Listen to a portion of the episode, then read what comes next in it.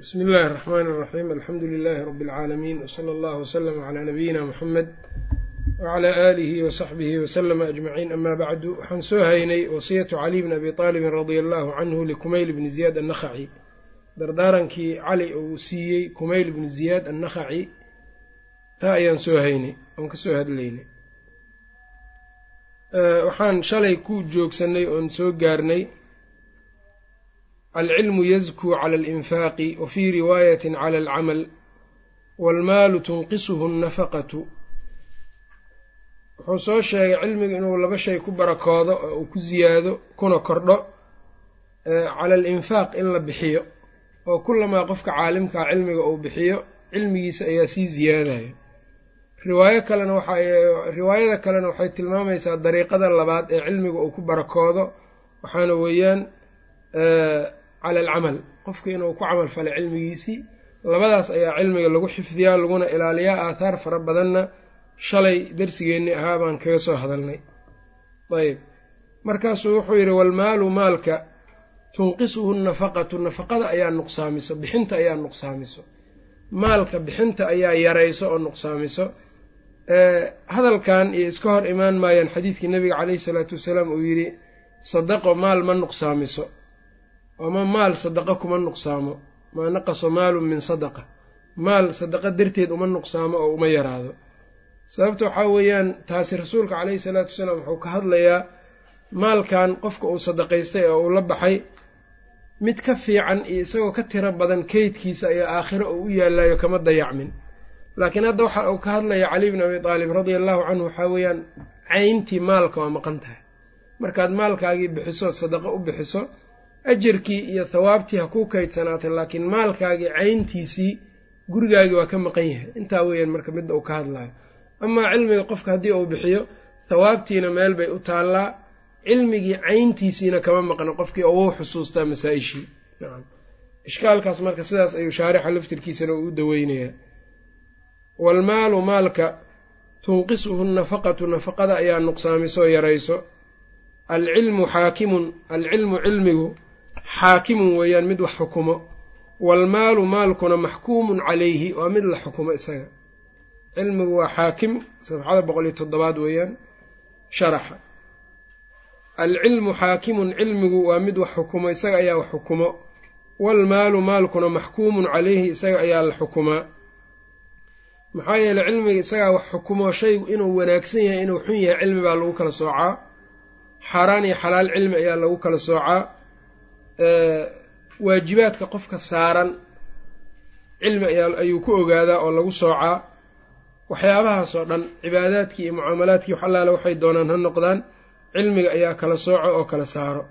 Shay kastoo inuu jiro iyo inuunan jirin la isku khilaafo shay kasta oo waa saxiix iyo waa faasid la isku khilaafo wax kastoo nafci may leeyihiin mase dhibaatay keenaan la isku khilaafo kulligiis cilmiga ayaa kala bixiyo oo kala saaro. Marka cilmiga isaga ayaa xaakim ahoo isaga ayaa wax xukumo. Cilmigu waxa uu yidhi shaarixu wahuwa alxaakimu cala almamaaliki waasiyaasaati waalamwaali waalawlaadi cilmiga isaga ayaa xukumo boqorada siyaasadaha maalka ilmaha kulli isaga ayaa xukumo. Fa mulkun laa yataqayadu bicilmin laa yaquum. Mulki aan cilmi ku xirnayn oon cilmi ku daba fayshanayn ma istaagayo oo wax taagnaan kara ma noqonayo bimacnaa haddii uu jiro xataa dhibaato iyo fasaad iyo shiddo iyo wareer ayuu dadkii ku noqonayaa nacam. Wa sayfun bilaa cilmin mikhraaqu laacibin. Yacnii seef haddii la qaato cilmi aanay ku dhisnaynna de waxaa weeyaan qof uun dheeldheelaya wax uu wax ku fasaadinayay noqonaysaa. Wa qalamun bilaa cilmin xarakatu caabithin. Qalin oo aan cilmi ku dhisnayn oon cilmi ku soconinna waa xarakatu caabith. Qof dheeldheelayo dhaqdhaqaaq uu samaynayo oo kale un weeyaan waalcilmu musallatun xaakimun calaa daalika kullih cilmiguna waa wax mid lagu diray weeyaan oo xukumaayo waxyaabahaas oo dhan. Walaa yaxkumu shay-un min dalika calayhi. Intaas wax cilmiga xukumaayo isaga ma jiro. Marka intaa sharaxa wuxuu ka bixinayaa marka mulkigu ama yacnii boqortooyadu iyo siyaasaduhu si kasta yacnii iyagu awood ha u lahaadaan. Haddana laakiin ri'aasada cilmigaa mar kasta ka weynin badan xataa dadka nufuustooda marka la fiiriyo oo la eego. Walidalika xadiidkii rasuulka caleyhi salaatu wasalaam ee bukhaari uu werinayo wuxuu ahaa min xadiidi cabdillahi bni camr bn alcaas in allaha laa yaqbidu alcilma intizaacan yanzichu min suduuri alcibaad ilaahay cilmiga ma qaado siibid uu ka siibayo dadka qulubtooda walaakin wuxuu ku qaadaa biqabdi alculamaa culummada inuu oofsado oo ay dhintaan xataa idaa lam yabqa caalimun ittakhada annaasu ru'uusan juhaala. Ilaa dadkii yacnii aanu harin qof caalimaba ilaa uusan harin. Marka maxaa dhacaysa marka? Dadkii meel joogo haddii caalim aanu ku dhex harin dhexdooda ittakhada annaasu ru'uusan juhaalan madax jaahiliinay dadka samaysanayaan. Alxaafid ibnu xajar raximahu llahu tacaala wuxuu leeyahay ittakhada annaasu ru'uusan juhaalan marka la leeyahay waxaa xadiidkan laga qaadanayaa buu yidhi ri'aasada iyo madaxtinimada dhabtaa midda cilmiga ku salaysan inay tahay. Maxaa yeeley dadkii ma joogi karaan madax la'aan madaxdan hadda xadiidku sheegayana waa madax diimeed waayo ittakhada annaasu ru'uusan juhaalan madax diineed jaahiliina ayay samaysanayaan. Fa su'iluu markaasaa wax la weydiinayaa fa aftow bigayri cilmin cilmi la'aanay jawaabayaan fadalluu wa adalluu iyagana way dhumayaan dadkiina waa baadiyeynayaan oo waa dhuminayaan inahaasoo dhan marka wuxuu ku tusaa cilmigu ri'aasada dhabtaa inuu isaga yahay. Si kastoo qofka uu madax u yahay haddana dadku waxay kaga kalsoon yihiin muslimiinta ee iimaanka qalbigooda uu ku jiro dadka ahlu cilmiga ahlu fadligay kaga kalsoon yihiin. Oo kelmadda ahlu cilmiga inay meel dhici weysaa laga yaabaa laakiin kuwan kelmadahooda xoog iyo dhib iyo shiddo un in lagu fuliyo iyo cabsi markay cabsida dhammaatana dadku ayaga unbay ku yaacayaan oo marka ay baabi'inayaan oy nacayaan macana. Ayb. Laakiin dadka ahlu cilmiga kelmadoodu mar walbo kelmad taagan oo sugan waaye. Sidaa darteeda marka ahlu cilmiga ri'aasadooda maadaama ay ri'aasa xaqiiqiya ay tahay oo cilmiga oo wax xukumo waxaa laga rabaa dadkii inay u kala caddeeyaan xaaladda dadka markaas ay joogaan ama wixii u munaasaba ama dadka wixii dhibaato ku ah inay dhibaato inay ku yihiin u caddeeyaan wixii wanaag dadka u ahna inay u soo jiidaan oo ayagu ay dadka ay u noqdaan yacni madaxii rasmiga ahaa inay u noqdaan oo muslixiin iyaga ay ahaadaan. Ayb weligeedna marka waqtiyadii dadku islaamku uu intaan ka fiicnaana ou intaan yani waxaan u jeedaa dadka muslimiinta ay ka fiicnaayeenna ahlu cilmiga unbaa mar walba mixnad walba markii la galo dadka culummada unbaa dadka markaas maslaxadooda tusi jiray.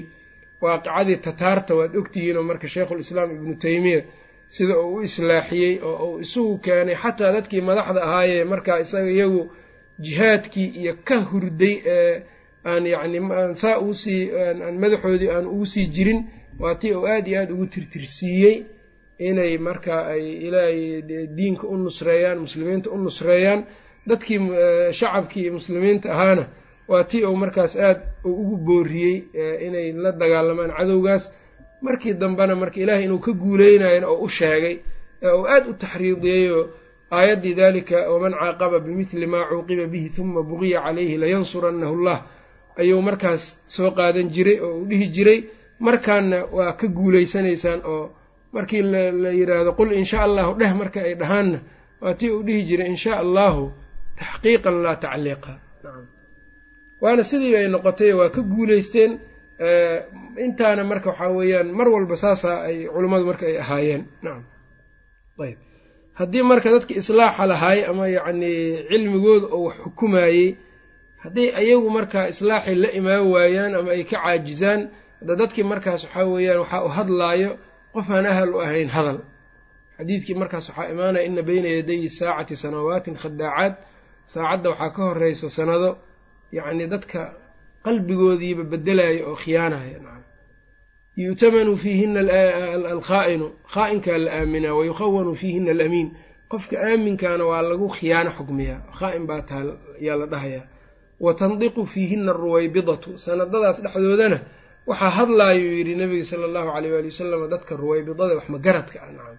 Markii la su'aalayna waxa uu yidhi qaaluu wama ruwaybidatu yaa rasuula allah qaala rajulu taafihu yatakalamu can amri alcaama waa qof isagiiba dhulyaal iska ah oo haddana ka hadlaayo danaha dadka ka hadlaayo. Isku soo duubduub marka waxaa weeyaan cilmigu alcilmu isaga ayaa xaakim ah nacam. Alcilmu xaakimun cilmigu xaakimun waa mid wax xukumaayo weeyaan oo intaas haddii mulkigu aanu cilmi ku salaysnayn seeftu haddaysan cilmi ku dhisnayn qalinku hadduusan cilmi ku dhisnayn waxaasoo dhan waxaa weeyaan baaba ay noqonayaan. Waalmaalu maalkuna maxkuumun calayhi isaga ayaa la xukumaa oo cilmigaa xukumo meesha maalka u roon in lagu bixiyo meesha ilaahay raalli ahaanshadiisa loogaga raadsanayo kulligood cilmiga ayaa markaa xukumayo oo halkan maalka ku bixi halkan maalka ka soo kasab sidaan u bixi waxa sheegayo oo sidaa dhahayo cilmiga weeyaan. Marka maalkii cilmiga ayaa xukumo. Labadaa meel marka halkaas ayuu ugaga soo hadlay. Markaa kadib buu wuxuu yidhi markuu intaa sheegay wa maxabbatu alcaalimi caalimka jacaylkiisana diinun diin weeyaan yudaanu bihaa lagu caabudo alla subxaanahu watacaala wa maxabbatu alcaalimi caalimka maxabbatu alcaalimi caalimka jacaylkiisa. Riwaayo kale waxay leedahay sida wasiyadan maxabbatu alcilmi cilmiga jacaylkiisa. Diinun diin weeyaan yudaanu bihaa laga diin dhigto. Waa diin waa wax diina oo laga diin dhigto weeyaan nacam marka hadalka cali si toosa waxa uu kuu tusayaa cilmiga jacaylkiisa iyo ahlucilmiga jacaylkooda inay diin tahay. Mafhuumkiisana waxa uu ku tusayaa nacaybka la nacaa iyagu cilmiga la nacaa ama dadkiisa la nacaa inaysan diin ahayn oo diinka alle aanay ka mid ahayn. Marka can dariiqi ilmanduuqna waxbuu kugu tusay can dariiqi ilmafhuumna wuxuu kugu tusay wax kale oo mafhuumulmukhaalafa ahaan ayuu saa kugu tusay. Amaa fadliga cilmiga adiladiisu aaday u tiro badan tahay. Qofka rabaana marka culammada kutub badan bay ka alifeen waxaana ugu jaamicsan oo masaa-ishiisa aada u soo ururinayo kitaabka ibnu cabdilbar jaamicu bayaani alcilmi wa fadlihi nacam marka fadliga cilmigana waxaa ku tusaayo sidoo kale alimaam ibnulqayim kitaabkiisa miftaaxu daari sacaada ilaa boqol iyo dhowr fadli oo cilmiga uu leeyahay ayuu sheegay. Nacam waxyaabaha marka haddaan wax yar ka soo qaadano waxaa ka mid a qowluhu tacaala shahida allahu anahu laa ilaaha ilaa hu waalmalaa'ikatu wa ululcilmi qaa'iman bilqisd laa ilaaha ilaa huwa alcasiizu alxakiim ilaahay subxaanahu watacaala wuxuu ka marqaati kacay macbuud xaq lagu caabudaa inaanu jirin ilaa huwa isaga mooyaane. Waalmalaa'ikatu malaa'igtana saasay ka marqaati kacday. Wa ululcilmi ahlu cilmiguna saabay ka marqaati kaceen. Marka ahlu cilmiga ilaahay subxaana halkan marka aayaddan sida cilmiga fadligiisa ama dadkiisa looga garanayo waxa ay tahay allah subxaanahu watacaalaa wuxuu ka marqaati kacay. Wax laga marqaati kaco waxa ugu qiimaha badan ee towxiidka ah. Marqaatidaana waxaa sidoo kale alla subxaanahu watacaala la marqaati kacay oo ku raacay malaa'igtii iyo waxaa laga soo qaatay iyo dadkii ahlu cilmiga ahaa. Marka ahlu cilmigii haddii lala xiriiriyey malaa'igtii allana uu uga horreeyey shahaadadaasi taa marka waxay ku tusaysaa ahlu cilmiga fadliga ay leeyihiin. Wa ulul cilmi wasfiga ay ku gaareen darajadaasna waa cilmiga. Maxaa yeele aayadda waa caddaynaysaa wa ulul cilmi dadka asxaabulcilmiga ah. Marka ammaantan waxay ku yeesheen ay ku gaareen cilmiga. Ayb waxaa kaloo aayaddu ay caddaynaysaa waxa laga marqaati kacayna wax yar maahane wixii ugu qiimaha badnaayo adduunka loo sameeyey waayo yaa ka marqaati kacay ahlu cilmigaa ka marqaati kacen caamadii iyo dadkii kale lama soo hadal qaadin oo lama sheegin. Dadka ilaahay oo markhaati gashanayana markhaati waxaa galo qof cadli ah oo ammaanan ilaahay agtiisa ka ammaanan diinkuna xaggiisa ka ammaanan. Marka ahlu cilmigu marka inay dad cuduula ay yihiin yaa aayadda laga qaadanaya ku tusaysaa. Xadiidkii nabiga caleyhi salaatu wasalaamna waa tusaayo ahaa yaxmilu hada alcilma min kuli khalafin cuduuluhu yanfuuna canhu taxriifa alghaaliina waintixaala almubtiliina wa ta'wiila aljaahiliin.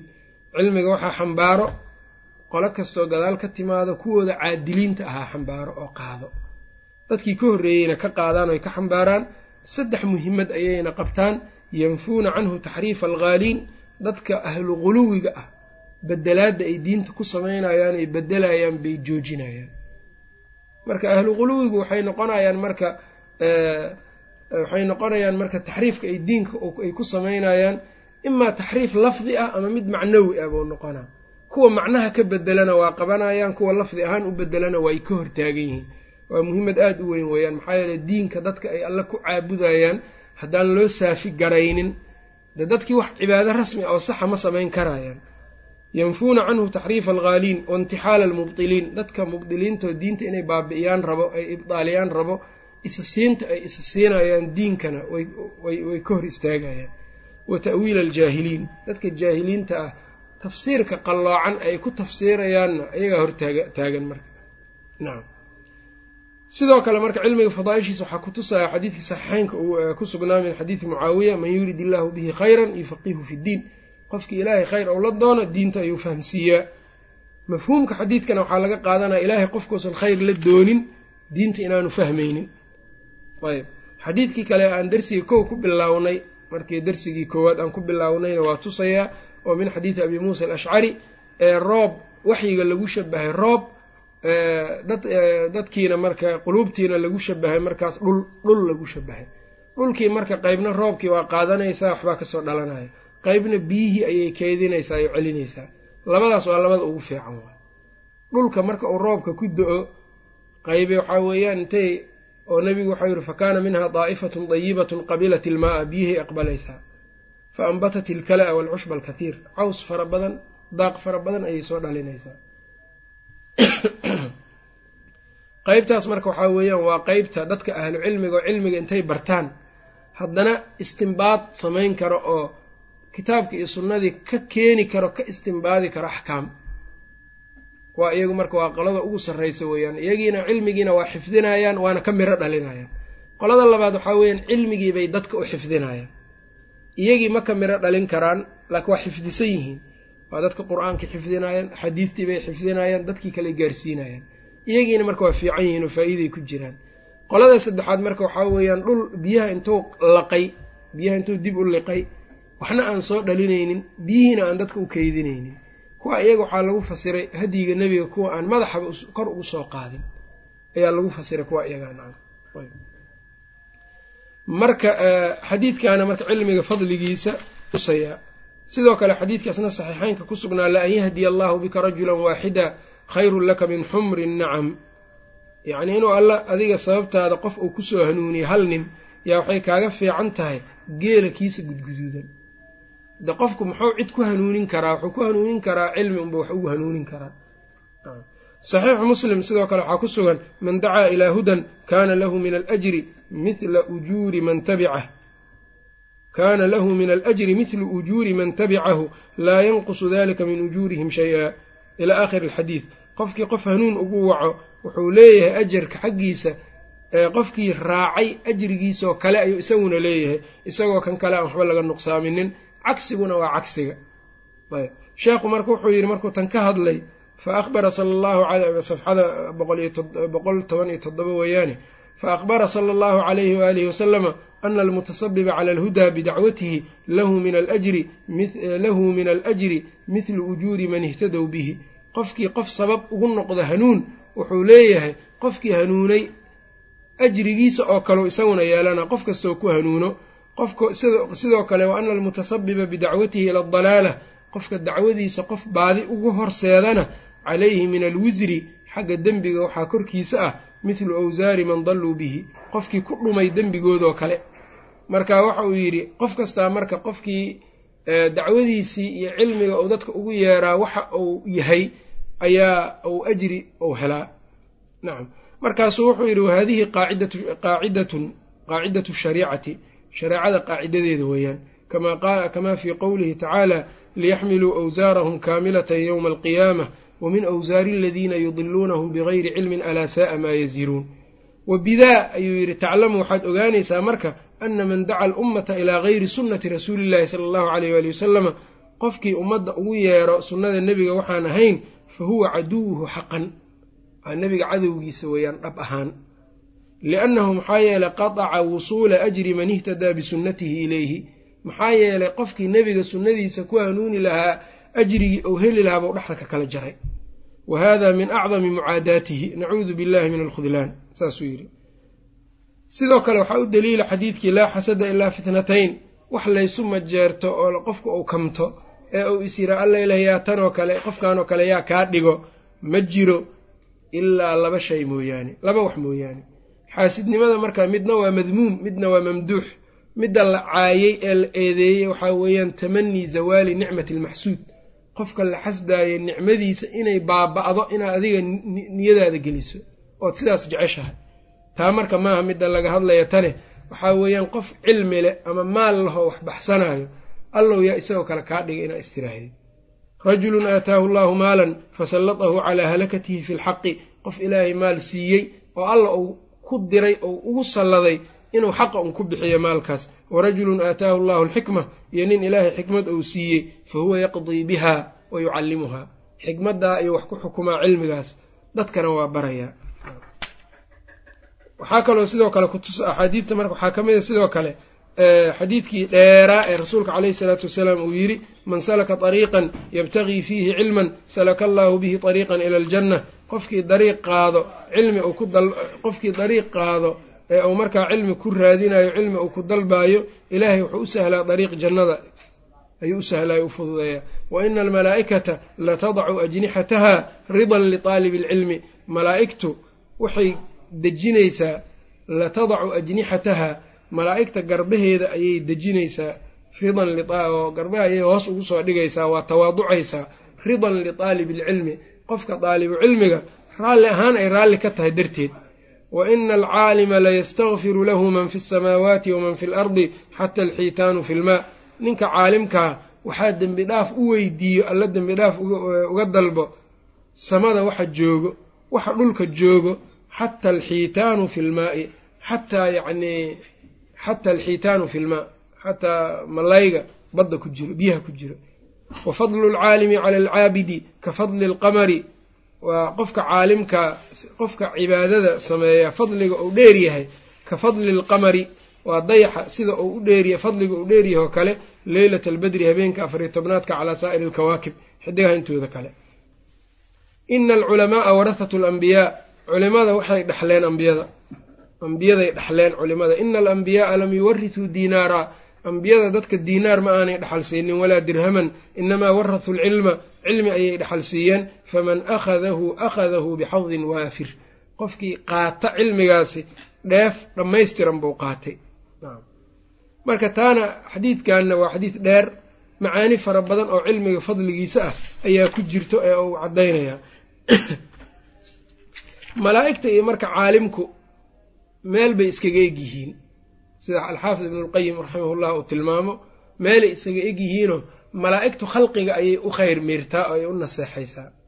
Nusxigoodana waxaa ku tusaayo istikfaar bay ambiyada ayay dadka mu'miniinta u weydiiyaan oo qur'aanka ilaahi wa tacala waa ku caddeeyey wayastakfiruuna liladiina aamanuu malaa'igta waxay dembi dhaaf alle uga dalbaan liladiina aamanuu mu'miniintay dembi dhaaf u weydiiyaan allay dembi dhaaf uga weydiiyaan ayb marka istikfaar malaa'igtii marka dadkiibay ay dembi dhaaf u weydiinayaan mu'miniintii bay dembi dhaaf u weydiinayaan. Taasi marka waa nusxi iyo wanaag ay la jeceshahay dadka mu'miniinta nacam dadka dhulka joogay mu'miniinta. Ninka caalimku isaguna waa naasix oo dadka u naseexaynayaayo waddadii loogu dembi dhaafi lahaa iyo wixii wanaagsanaa buu u tilmaamaa. Sidaa darteed marka malaa'igta xalqada cilmiga iyo dadka dalabatulcilmiga ah waa u tawaaducaysaa marka way u tawaaducayaan. Sidaa darteed marka yaa malaa'igtii marka garbahoodii ay hoos u soo dhigayaan in jumlada ina alambiyaaa lam yuwarithuu diinaaran walaa dirhaman inamaa warahuu lcilmana waxaa iyagana sidoo kale ambiyada iyo culummada calaaqada ka dhexaysaa waa maxay? Ambiyada iyaguna dadkay u khayr miiraan waa naasixiin. Walidaalika ambiyada ilaahi subxaanahu watacaala mid kasta markii nabiyullaahi nuux uu alla ka sheekeynayo wa ansaxu lakum wa aclamu min allahi maa laa taclamuun uu yiri nabiyullaahi nuux. Huud kadalika wa ana lakum naasixun amiin ayuu dadkiisa ku dhahay. Wahaakadaa ambiyada ilaahay dhammaantood waa wada naasixiin culimada iyagana waa nusxiga waa naasixiin iyagana dadkay u khayr miiraan oo markaa ay u wanaag sameeyaan. Oo waxa u fiican iyo waxa u danta ah ayay u tilmaamaan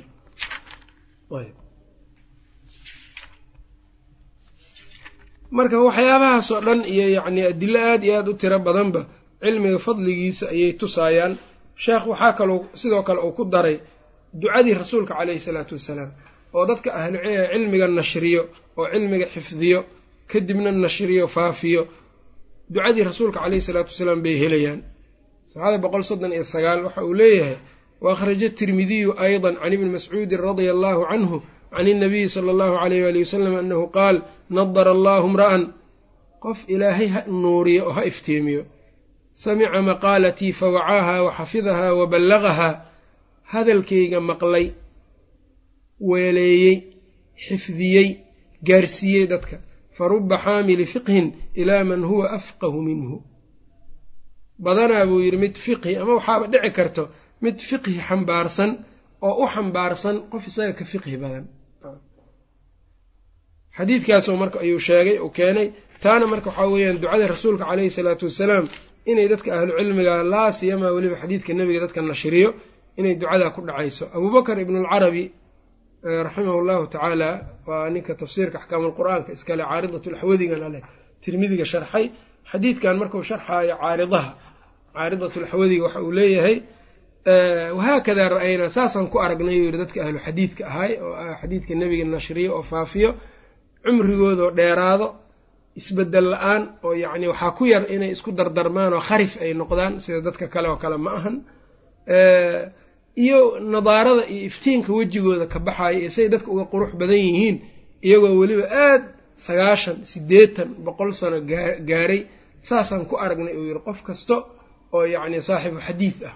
Nacam marka ducadan baa marka ku dhacday nadara allahu imra'an samica maqaalatii fawacaaha wa xafidahaa wa ballagahaa nacam riwaayo kalena faaddaha kamaa samicahaa saasay leedahay laakiin xadiidku marka saddex martabo ayuu sheegay. Martabada koowaad waxay tahay xadiidka qofka inuu cilmiga uu maqlo kadib inuu yacnii qalbiga geliyo saddex inuu dadka gaarsiiyo bathi oo ku sameeyo. Inuu ku camal falana meesha kama marna. Afartaa qofka marka markuu isku helo ayaa waxa uu gelayaa marka ducada rasuulka caleyhi salatu salaam ay ku dhacaysaa amaa iyada dhinaca kale qeybta kale ee uu ka tilmaamay musanifka uu tilmaamay ee ah dadka ahlu cilmiga in qofku uu naco. Hadalkii cali radia allahu tacaala canhu waxa uu ahaa maxabat alcaalimi diinun yudaanu biha. Manduuq iyo mafhuum bay leedahan dhahnay manduuqii wuxuu ahaa cilmiga in la jeclaado dadkiisana in la jeclaado. Cagsi marka mafhuumkiina waxaa weeyaan qofkii aan yacni qofkii naco dadka ahlu cilmiga ah nicidda ahlu cilmiga la nacaa inaanay diin ahayn. Jacaylka la jeclaadaa hadduu diin yahay nacaybka la nacaa muxuu noqonayaa marka diin ma aha iyada marka. Jacaylka ahlu cilmiga la jeclaanayo waa kala duwan yihiin iyo yacni waxaa kala duwan in khada ama gef ay sameeyeen adoo u jeedo inaad ku taqliidsato waa kala duwan tahay iyadana nacam oo qofka isagoo caalimkan aan waxba qaladkiisana aan ku dayanin oon qaladkiisa ku raacin ayuu haddana jeclaan karaayo jacaylka meeshiisa u ahaan karaa. Sidaa daraaddeed marka ma jirto yacni qofku hadday sunna sida imaamu shaaficiba uu yidhi ajmaca ahlulcilmi calaa ana man istabaanat lahu sunnatun min sunani nabiyi sala allahu alayh wali wasalama annahu laa yajuusu an yadacaha liqowli axad. Ahlucilmiga waxay ku ijmaaceen buu yidhi qofkay sunna u caddaato sunnooyinka nebiga ka mida sala allahu aleyh wali wasalama uma bannaana inaynay u bannaanaynay ku ijmaaceen inuu ka tago qof warkiis inuu uga tago. Marka qofkii ahlu cilmiga ahaa xadiidkiina ma wada koobi karo oo waxaa dhici karto marka inuu masalada ijtihaad ku sameeyo. Xadiidna uu ku soo arooray xadiidkii aanu arkin bimujarad ijtihaadihi marka uu xugun gaaro haddaad adiga xadiidka rasuulka aragto maaha inaad xadiidka rasuulka ka tagto haddii aad marka xadiidkii qaadato oo qowlkii imaamkiina aad ka tagtayna maaha inaad imaamkii necab tahay. Culummada marka baabkan marka laga hadlaya ahlucilmiga jacaylkooda dadku waa annaasu darafaani wa wasat weeyaan dad laba daraf iyo dhexdhexaad. Daraf iyagu marka waxaa weeyaan jacaylka culummada waxay u haystaan huluwiba intay ku sameeyaan nebigii bay la simaayaan caleyhi salaatu wasalaam. Ka-annamaa qofka caalimka inaan hadalba laga lagu khilaafi karin iyay ka dhigayaan. Sidaasna ma aha sababtoo a makhluuq ma jiro daaco kaamila le nebiga maahan caleyhi salatu wasalaam.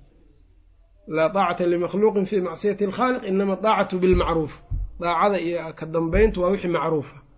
Amaa wixii ay kuu caddaata gef inuu yahay adigii marka waxaa lagaa rabaa inaadan gefkaas raacin. Qolo kale iyaguna marka waxaa weeyaan a'immada gefka ay sameeyaan ayay intay kaga fogaadaan oo ay ku fogeeyaan ayay nacayaanba marka nacam oo gefkii iyo khadi'ii iyo nacaybkii bay islaaziminayaan nacam mar haddii uu gafay khalaas waa u dhammaatay nacam dariiqaasu uga tegaya nacam labadaas dariiqna waa laba dariiqoo khaldan waay nacam dariiqa dhexdhexaadka waxaa weeyaan dadkii ahlu cilmi ama cilmi looga marqaati kaco ahlu ijtihaada wixii ay ijtihaad iyo ugu gafaan in loogu cudur daaro taraxum loo sameeyo yacni walahoodii ay lahaayeen ay ku lahaayeen yacni mu'minnimada iyo kii culumanimada ay ku lahaayeen inaan laga qaadin isla markaana khaladkaasna aan lagu raacin. Khaladkiina in looga cudur daaro adigiina inaad inaada ku raacin. Waana waxa uu sheikhulislaam ibnu taymiya kaga alifayba kitaabka la yidhaahdo rafcu lmalaam can ilaimati alaclaam rafcu lmalaam can ilaimati alaclaam qofka caalimka uu qasdi maayo inuu nebiga khilaafo caleyhi salaatu wassalaam saddex waxyaabood unbaa suurtagal ah saasuu leeyahay imaa inuu qofkaani xadiidkan ama naska masalada ku soo aroorayba inaanu arkinba. Imaa inuu arkay laakiin oo u haysto mansuukh. Naskaani yacni in la nasakhay oo naasikh inuu jiro ayuu aaminsan yahay laakiin ijtihaadkii baa qaldan. Ee isagu naska khilaaf isma dhahayo tan saddexaad waxaa dhici karta suur suurtagal ah. Ayb midda kale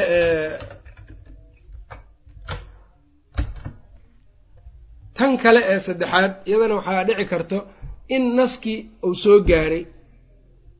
Saxiix oo u arko muxka yacni mansuuq inuu yahay aanu u arkin oo naskii yacni nas muxkama oo u arko haddana laakiin dalaaladiis uu is leeyahay sidaan ma aha.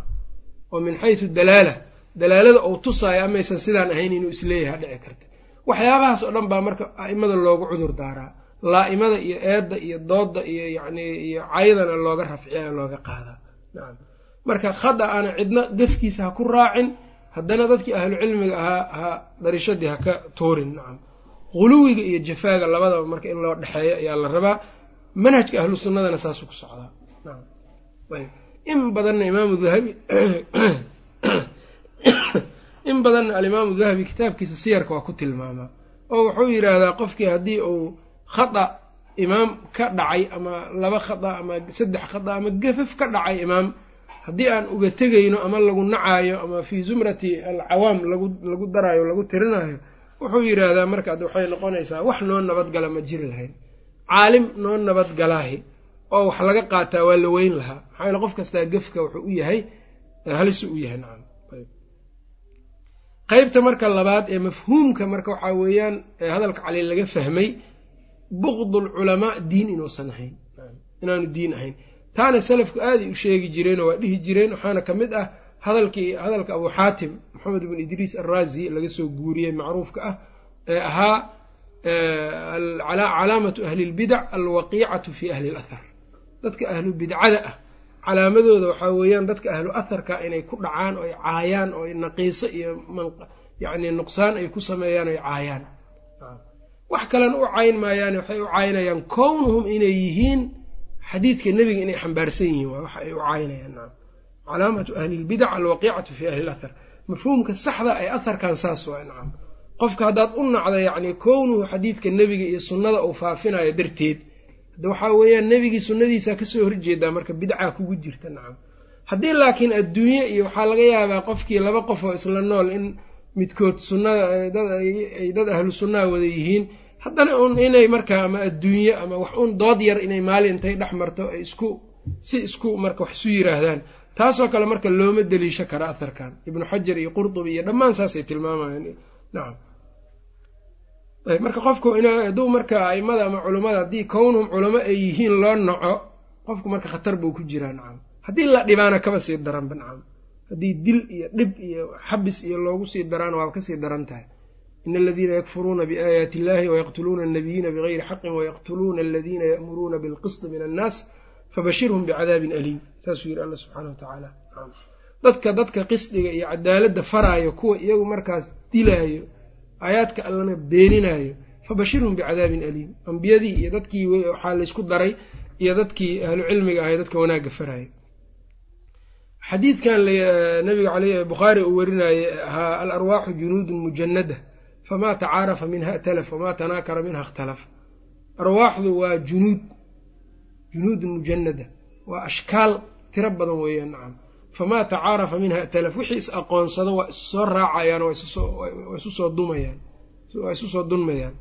Wamaa tanaakara minha wixii isdiidana ikhtalafa waa kala cararayaan arwaaxdii marka saa markii lagu tilmaamay ibnu xajar xadiidka markuu sharxaayey ibnuljawsi wuxuu ka soo guuriyey inuu yidhi xadiidkan mafhuumkiisa waxaa laga qaadanayaa buu leeyahay qofka haddii naftaada ay aada dareemayso dadka ahlu cilmiga ama ahlu salaaxa ah xoogaa naftaadii inaanay la fariisanaynin oo ay naftaadii ka anfariireyso oo ay ka fogaanayso mar walbo haddaad sidaa isku aragto ogow yacni in wax si kaa yihiin inay wax si kaa yihiin ogow maxaa yeele ruuxdaadu hadday wanaagsan tahay dadkaa wanaagsanay soo jiida lahayd nacam.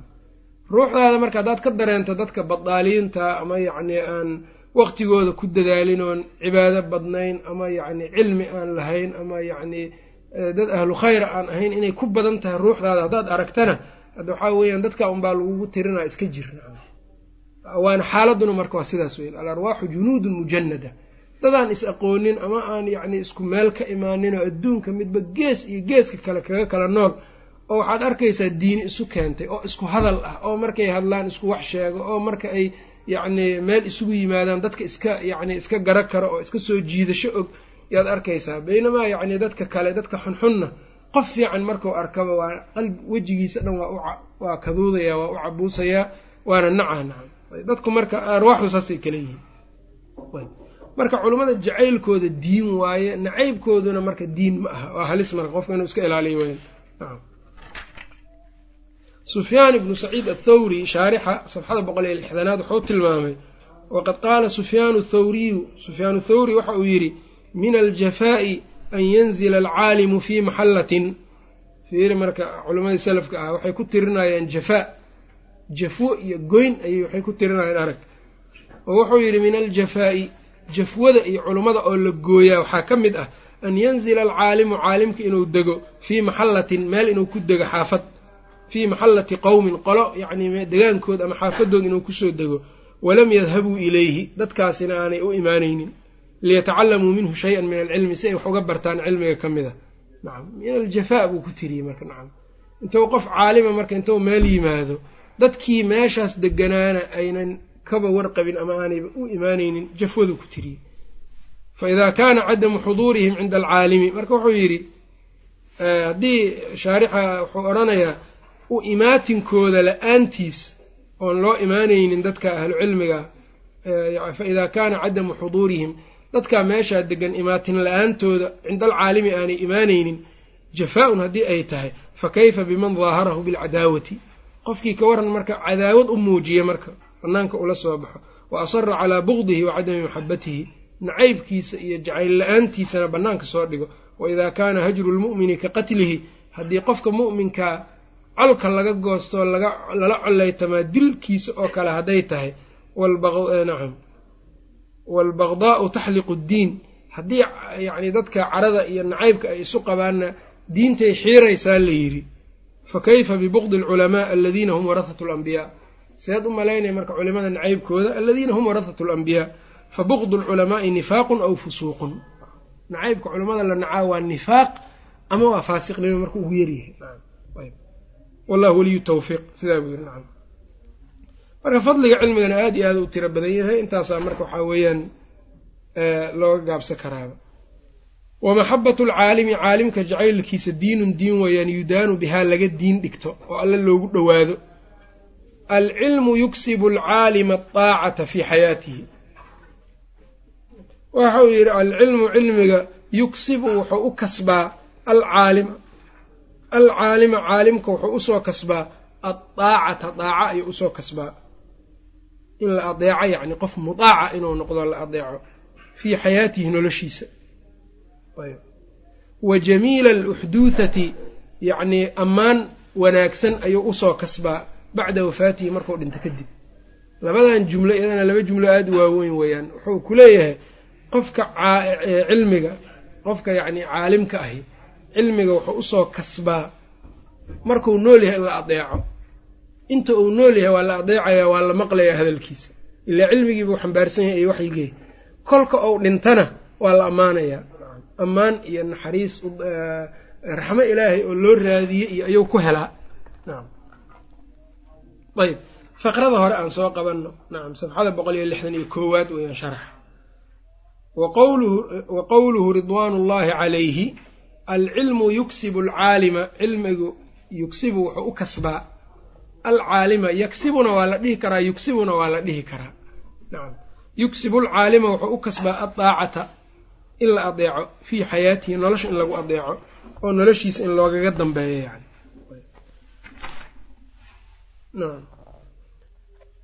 ey yajcaluhu mudaacan cilmiga wuxuu qofka ka dhigaa caalimkaa mid la adeeco masmuuca alkelimati warkiisana la maqlo. Lianna alxaajata ila alcilmi caamatun. Maxaa yeele xaajada iyo baahida cilmiga loo qabaa waa caam weeyaan. Fii kulli waqtin likulli axadin. Waqti kasta waa loo baahan yahay. Likulli axadinna waa u baahan yahay. Caalimka yacni kalaamkiisa iyo waxa uu dadka baraayo saacad kastana waa loo baahan yahay. Cid kastaayna way u baahan tahay. Cid ka maarmaysaa ma laha. Lidaalika kutubu kutubu kutubta musalaxa waxay weriyaan waxay weriyaan in nin reer baadiya basre uu yimid. Baaxulxadiidka ikhtisaar ibnu kathiir ikhtisaaru culuumi lxadiidka ayuu ku sheegaa.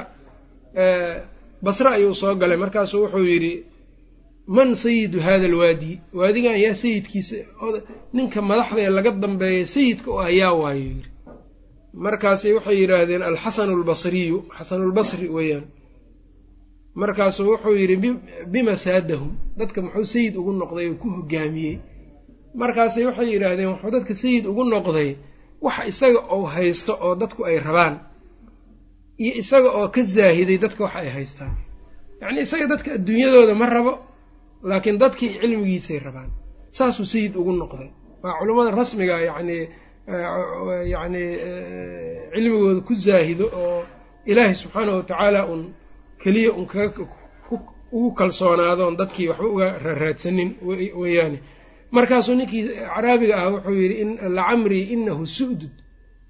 Wuxuu yidhi intuu dhaartayba wuxuu yidhi inahu su'dud. Sayidnimada rasmigaa tan waayo mid madaxtinimo lagu keeno ma ahan buu yidhi sayidnimada rasmiga ah. Abu isxaaq ililbiri abu isxaaq ililbiri alandalusi isagana nadmigiisi waxaa ku jirtay wiilkiisii uu kula dardaarmayey markuu yidhi abaa bakrin dacawtuka low ajabta ilaa cilmin ilaa cilmin waxau yidhi abaa dacawtuka low ajabta ilaa maa fiihi xaduka low caqalta ilaa cilmin takunu bihi imaama mudaacan in nahayta wa in amarta. Wiilkiisiiba wuxuu leeyahay waxaan kugu yani aan kuu sheegayaa aan kugu hanuuninayaa cilmi takuunu bihi imaaman aada imaam ku noqonayso. Mudaacan qof la adeeca a ku noqonayso. In nahayta wa in amarta haddaad wax ama reebto ama aada farto waxay ku taallaa marka manduumat lilbiri macruufka ee taqriiraatu saniyaha ku dhex daabacan bayquuniyaha lala daabaco.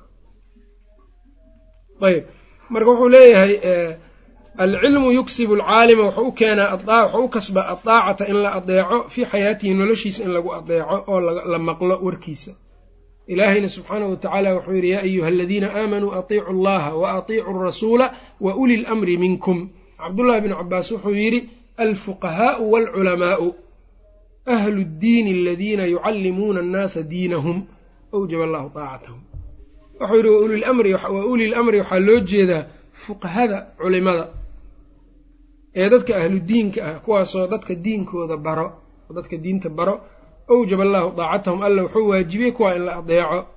Sidoo kale xasanulbasri iyo mujaahid iyo daxaak ibnu musaaximna saasay aayadda ku macneeyeen.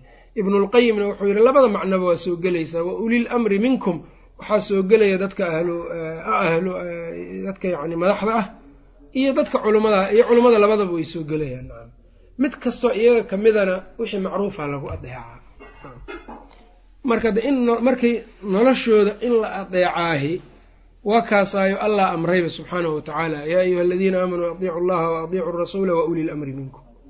Laa siyamaa haddana kuma sii jirto naasila markay timaado. Wax cusub xuduuda ama shay cusub dadku markay ku timaado xaaditho cusub ama naasilo cusub marka ay timaado ay soo degto yacnii dadka ahlu cilmiga in markaa la dhegeysta aaday muhiim u tahay.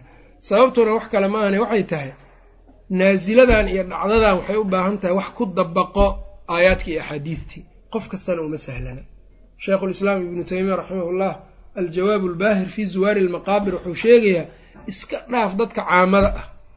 Ama dadka yacni cilmiga markaas bilaawga kuwa iska daayay wuxuu leeyahay dadka ahlu cilmiga in badan oo ka mid ah marka ay naasilo iyo dhibaata markay timaado in badan oo ka mida laguma hanuuniyo oo laguma toosiyo daliilka in badan oo dadkii culimada ah baan daliilka helayninba. Dad dhif ah oo yar baa laga yaabaa inay daliilkiiba ay helaan. Oo ilaahay subxaana wa tacaala uu tuso tusaalena wuxuu u soo qaadanayaa abuubakar qisadii markuu nebiga dhintay calayhi salaatu wasalaam. Ee musiibada dadki ay ku noqotay arrintaa aada iyo aada u weyn waa tii dadkii ay aada u argagaxeen abuubakar radia allahu canhu waa tii aayaddii akhriyey wamaa muxamedun ilaa rasuulun qad khalat min qablihi rusul afa in maata aw qutila inqalabtum calaa acqaabikum ilaa cumar uu yidhi aayaddaas markaas inay soo degtay baad moodaa buu yidhi wou yaqaanay cumar radia allahu canhu aayadda laakiin inuu waaqican ku dabaqa markaa ma aanu ma ku soo dhicin.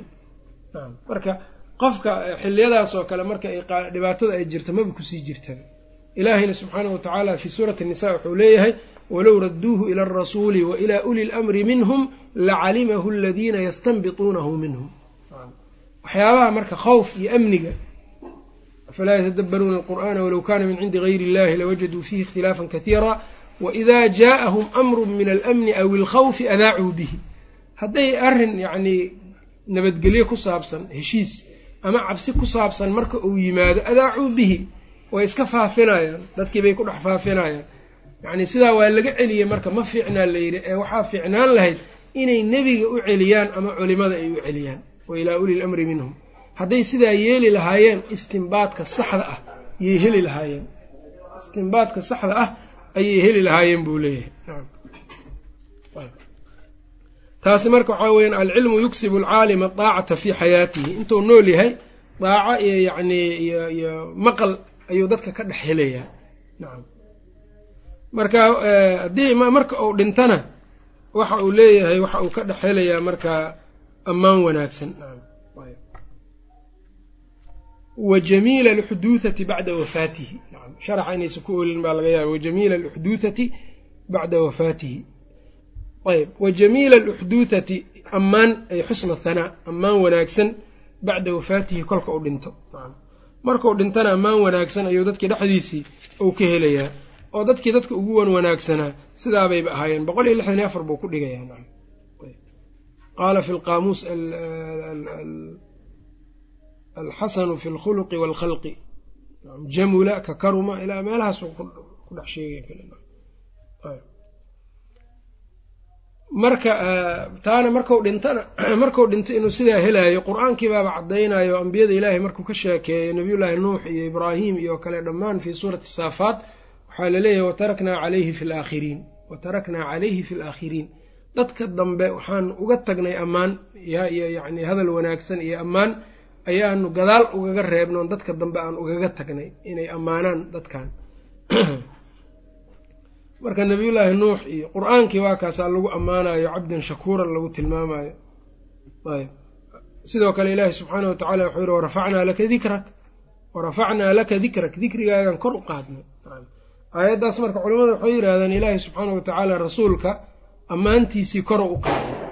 Rasuulka caleyhi salaatu salaam ammaantiisii korba u qaaday oo aadaankii baa lagu sheegaa salaadii baa lagu dhex salliyaa rasuulka caleyhi salaatu salaam wahaakada in allaale intii raacdo oo diinkiisa iyo sunnadiisa u nusraysana qeyb bay ka helayaan warafacnaa laka dikraka iyaga lagu sallin maayo laakiin maxay helayaan? Ammaan dadka dhexdooda loo geliyo oo ilaahay iyo qabuul ilaahay subxaana watacaala uu siiyo. Ayb walidaalika yacnii a'imada haddaad fiirisaan saxaabatu rasuulillahi ka soo bilaabo taabiciintii taabicu taabiciin a'immadii islaamka dhammaantood marka waxaa weyan hadda dikrigooda ilaahay kor baa u qaaday. Dikrigooda kor baa loo qaado. Intaas waxaa weeyaan qaala shaaficiyu raximahullah unbaa la leeyahay nacam ayb waxaa weya waxay ka marka wa bilcagsi waxaa ah qofka aan cagsiga aan caalimka ahayne jaahilka ah. Ee isla markaana weliba sunnada nebiga la collaytamaa isagana ina shaani'aka huwa alabtaru qeybka leeyahay. Nacam. Nebiga caleyhi salaatu salaam qofka ceebeynaya naqiisada iyo nuqsaanta iyo ceebta u raadinayo isaga ayaa daba go-an oo ceeb iyo cay iyo hadal xun unbaa adduunka uga haraayo abulahab hadda waa kaasa tabbat yada abilahabin watab ayaa la akrinaa ilaa qiyaami saaca saasaa loo akrinaa abujahl kadalika markii la sheegaba lacanahu llahu baa la dhahayaa nacam. Fircawn kadalika hadal xun ayaa adduunyada uga haray. Wahaakadaa dadka yacni sunnada nebiga ka yacni cadowga ku ahaa sida jahmiyada iyo yacni muctasilada iyo waman naxaa naxwahu iyaguna hadal xun ayaa adduunka ugu haray cid taqaanana ma leh. Cid taqaanana ma laha jahmi ibnu safwaan iyo iyo jacdi ibni dirham iyo adduunkiina waa lagu dilay oo waxay kaga baxeen yacni cuquubadaas xun. Aakhira mar yani markay dhinteen kadibna yani hadal xun baa ugu haray dadkii dhexdooda. Wahaakadaa dadkii sunnada nebiga u taagnaana si kastoo loo dhibay iyo si kastoo laysku gudayey in kutubtooda la gubo haddana ilaahay magacooda waa waariyey oo takhliiduu ku sameeyey. Haddaad mithaal u soo qaadata sheikhulislaam ibnu teymiya xabsiga ku dhintay. Ilaa markuu xabsigii ku dhimanayo waxaa la gaarsiiyey kutub badan buu xabsigii ku qoray. Ilaa markii dambe in laga qaaday waraaqihii iyo qadi uu wax ku qoraayey xataa dhuxushii laga qaaday si uus waxba u qorinba. Haddana maca daalika ilaahay kutubtiisa qaar waa la gubay. Maca daalika ilaahay wax unbau reeba waa kaasoo ujeedaan markii wax la gubaba ilaahay subxaana wa tacaala nusqo meel kale un laga helaa dadkii ilaahay subxaana wa tacaala u fududayna nacam maxaa yeele qofka sunnada nebiga sida ula tacaamulo ayaa ilaahay subxaana wa tacaalana oo ula tacaamulaya nacam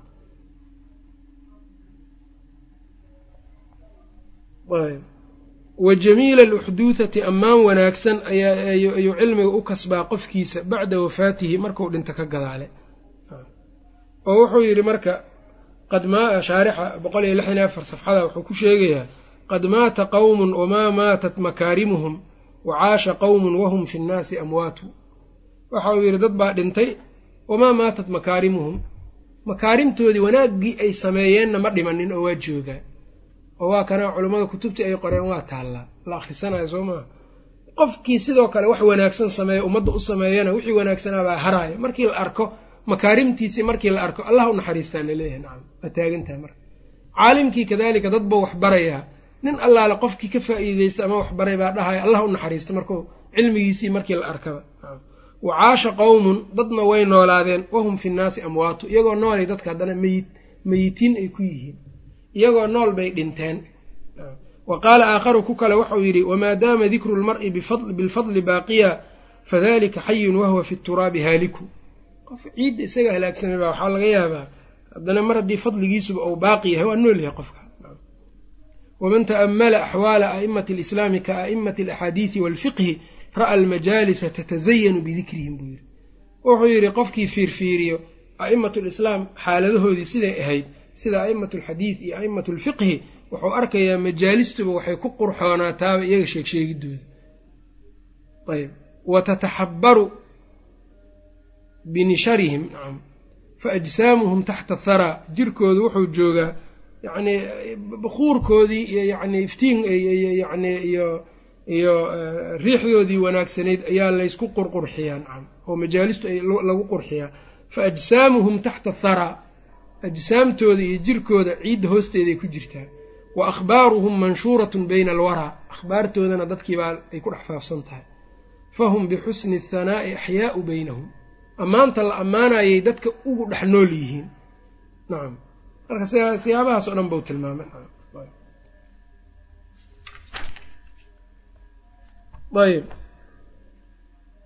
Wa saniicatu lmaali tazuulu bizawaalihi wa saniicatu lmaali ay wa cadiyatu lmaali maalka yacnii siismadiisa qofka la siiyahay tazuulu way baaba-aysaa bizawaalihi isaga baabi'itaankiisu ku baaba-ayaa. Nacam maata khusaanu lmaali maata way dhinteen khusaanulmaali maalka nimankii keydiyey ee qasnadaha geliyey. Maata khusaanu lmaali dadkii maalka kaydsada way dhinteen. Wahum axyaau culimmaduna waa nool yihiin. Wahum iyago axyaau nool culimadii wa saniicatu lmaali tazuulu bizawaalihi dadka maalka yacni cadiya la siiyey wa cadiyatu lmaali yani maalka qof dadka maalka iska lehe maalka la siiyey tazuulu bizawaalihi cadiyadaasi marka siismadaasi way baaba-aysaa bizawaalihi maalka baabi'itaankiisay ku baaba-aysaa. Nacam ayb oo marka wuxuu sheegay dadku dadku hadday maal kugu karaameeyaan ama ay saldanad kugu karaameeyaan yaanay ku cajab gelinin baa hore loo yidhi. Fa ina zawaala alkaraamati bizawaalihimaa karaamadaasi waxay zuulaysaa saldanadii iyo maalkii markuu kaa baaba-o. Ninkii maal kugu karaameeyey haddaad fakrisay ma ku karaameynayo. Kii saldana iyo madaxtinimo kaala kugu daba ordaayeyna markaad saldanadii ka degto ee lagaa boobo kuma raba isagii nacam. Hadba kii madax noqdo unbuu raacayaa nacam. Walaakin liyucjibannaka in akramuuka licilmin wa diinin. Laakiin hadday diin iyo cilmi kugu karaameeyaan sidaa ku faraxsanow markaasu wuxuu keenay qaala maalikun imaam maalik baa wuxuu yidhi ruwiya ana abaa hurayra. Waxaa la wariyey abuu hurayra radia allaahu canhu duciya ilaa waliimatin waliimaa looga yeeray. Fa ataa waa yimid fa xujiba markaasaa laga celiyey nacam farajaca abuu hureyra waa laabtay falabisa hayra tilka athiyaabi dharkii hore dharaan ahayn buu soo gato dhar qurux dhar ayuu soo labistay. Dhar qurux badan buu soo labistay fa udkhila waa la geliyey marka soo gal baa layidhi ila dadku mandarkaas ka hore unbay wax ku qiimeeyaan ma ogtahay falamaa wudica aطacaamu cuntadii markii la soo dhigay adkhala kummahu fiihi markii cuntadii la soo dhigay kumkiisii ayuu cuntadii dhexgeliyey nacam dharkiisii yacni maradii uu watay ayuu wuxuu dhexgeliyey cuntadiibuu dhexgeliyey fa cuutiba fii dalika waa lagu eedeeyey arrintaa. faqaala wuxuu yidhi ina hadihi athiyaaba hiya alatii udkhilat dharkaana meesha la soo geliyey ani la ima soo gelinine. dharka weeyaan wax meesha loo idmoo la soo geliyey buu yidhi fa hiya ta'kulu iska daaya marka iyadaa cunaysa xakaahu ibnu musayin aطulayطuli fii kitaabihi uu ku sheegay si cajiib badan ba waxu tusay laakiin qofka cilmiga lagu karaameeya isagada waxaa weeyaan cilmigu mar walba waa karaamadaasi marka qofkii ka zuuli maysa intii cilmiga uu meesha joogaba bal inay sii ziyaada ka zuuli maysaba markaasuu wuxuu yidhi maata khuzaanu lmaali maata khuzaanu lmaali dadkii maalka kaydsadee yacni maqaasiimada ka buuxiyey way dhinteen buu yidhi wahum axyaau culimadoo nool. Waalculamaau baaquuna culimadiina waa wahum axyaau iyagoo nool dheh nacam. Maata khuzaanu lmaali dadkii maalka lahaa way dhinteen wahum axyaau iyagoo nool. Iyagoo noloshii xayaatadii ay ku jirtaa haddana layska iloobay oo ay wax dhinteen oo wax dhintay oo kale ay yihiin. Waalculamaau culimadana baaquuna way joogaan. Maa baqiya dahru waqtiga inta uu joogo in allaale inta waqtiga uu joogo iyaguna waa joogaan. Ayb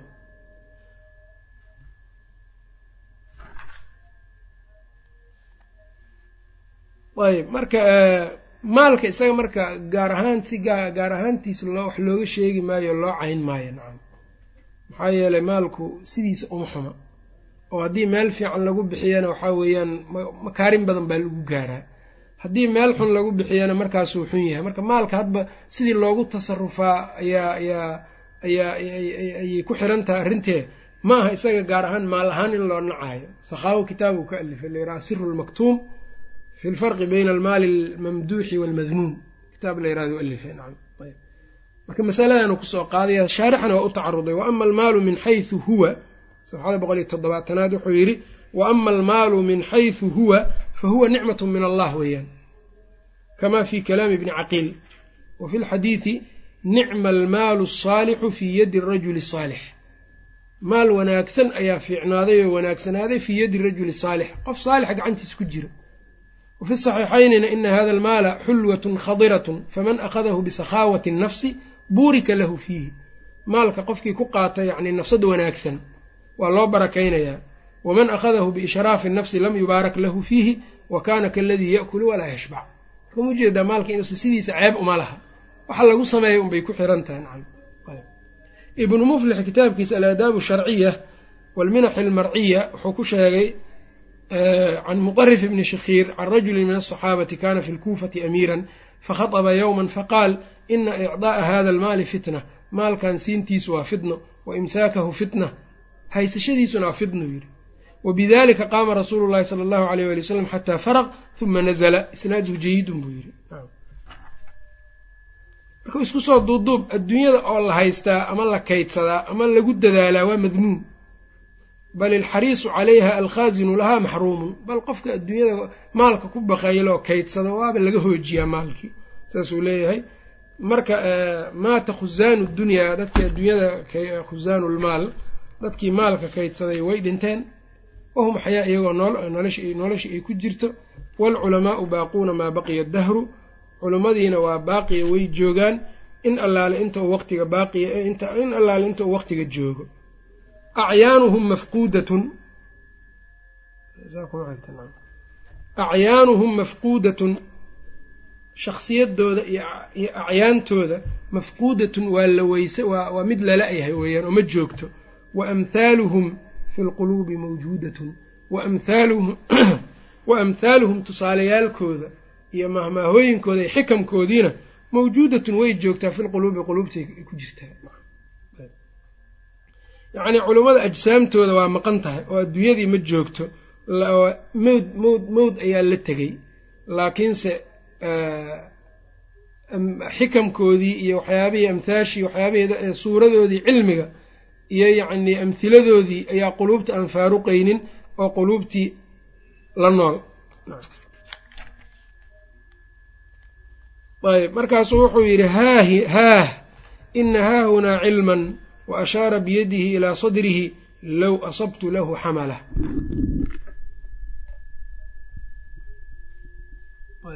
Wabilahi towfiiq sala allah wslam calaa nabiyina mxamed wcala ali saxbi wslm